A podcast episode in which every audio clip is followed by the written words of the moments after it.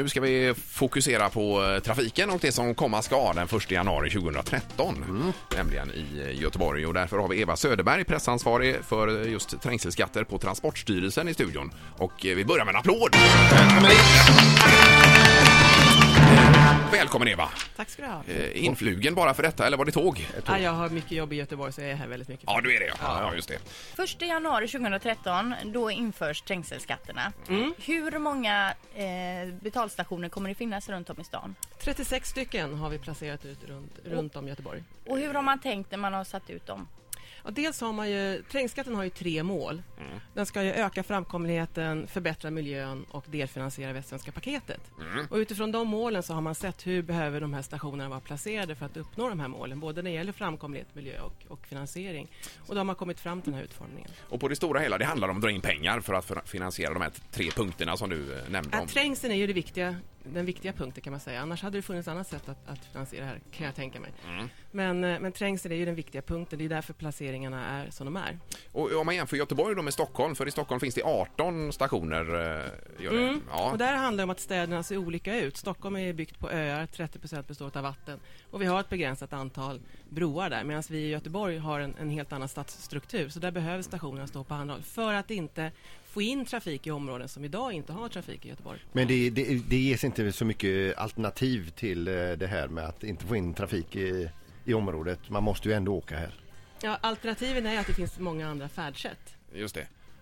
Ja, inte Ja, att det ja. finns några andra vägar. Nej, för då, då, då får vi ju in eh, trafiken där vi inte vill ha den. Där, man, där de som bor där inte vill ha den. Det här handlar ju också om att skydda bostadsområden som idag inte har tung trafik. Då skulle de få in trafik ifall folk hittar, ja men den vägen kan man åka. Ja. Då slipper man en portal. Men, men det, det, det, är det, det, det är ju inte tänkt liksom att folk ska sälja av sina bilar och att det så, på så sätt ska bli f- eh, mindre trängsel utan man vill, man vill få nästan eh, med lite tuffare medel få folk att börja åka kollektivt. Det handlar väl mer om att, att man ska göra medvetna val. Är bilen verkligen det bästa färdsättet för mig just idag när jag ska göra den här resan? Ja. De här slentrianmässiga resorna som man gör där man liksom inte ens överväger om det finns ett bättre alternativ.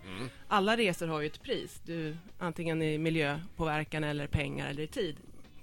Och då måste man liksom på något vis eh, göra ett, ett ställningstagande. Vilken, vilken kriterium är viktigast idag? Själv då så att säga. Men hur kommer det funka rent praktiskt då?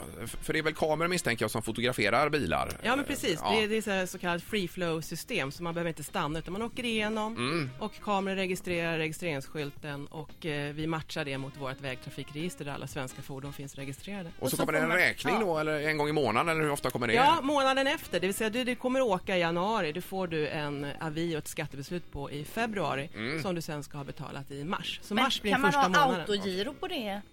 Ja, jag är så glad att du säger det. det För kan det är man. precis det man kan. För när du får din, din eh, avi i februari Mm. och du ska betala den i mars. I mars har du hunnit få eh, februari månads passager också. Risken är stor att man sammanblandar de här och då betalar man fel skattebeslut.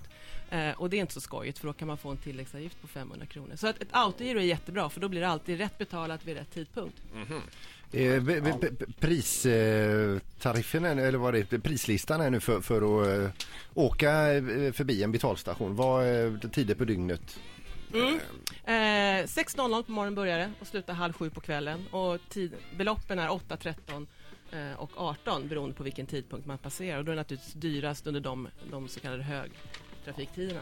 Och, och eh, är det från åtta då på morgonen alltså? Eh, 6 på morgonen. Jo men alltså om det blir dyrast? Eller är det Ja, just 18 det. kronor direkt från klockan sex? Nej, nej. Klockan Nej. 6 kostar det 8 kronor. Just det. Men hur är det då om du ska passera stan till exempel? Mm. Betalar du både då när du kör in och sen när du har passerat stan om du ska förbi när du ska ut? Så du Ja, betalar... var, varje gång du passerar en betalstation så, så registreras du oavsett i vilken riktning du åker.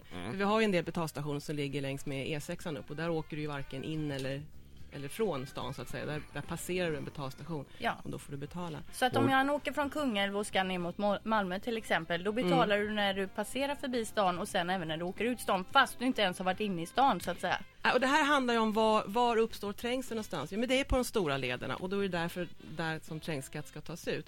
Men om du passerar flera betalstationer inom loppet av en timme, då behöver du bara betala för en av de passager som du gör. Ja, så då blir det en avgift på den resan genom stan i alla fall. Så att säga. Passerar du Ja. in när, när, när det kostar 8 kronor och du åker ut när det kostar 13 så är det 13 du betalar för du betalar den högsta avgiften Mhm. utav de passager du har gjort. Okej, såklart. Ett poddtips från Podplay.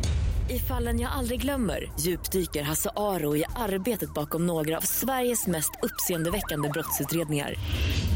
Går vi in med hemlig telefonavlyssning och, och då upplever vi att vi får en total förändring av hans beteende. Vad är det som händer nu? Vem är det som läcker?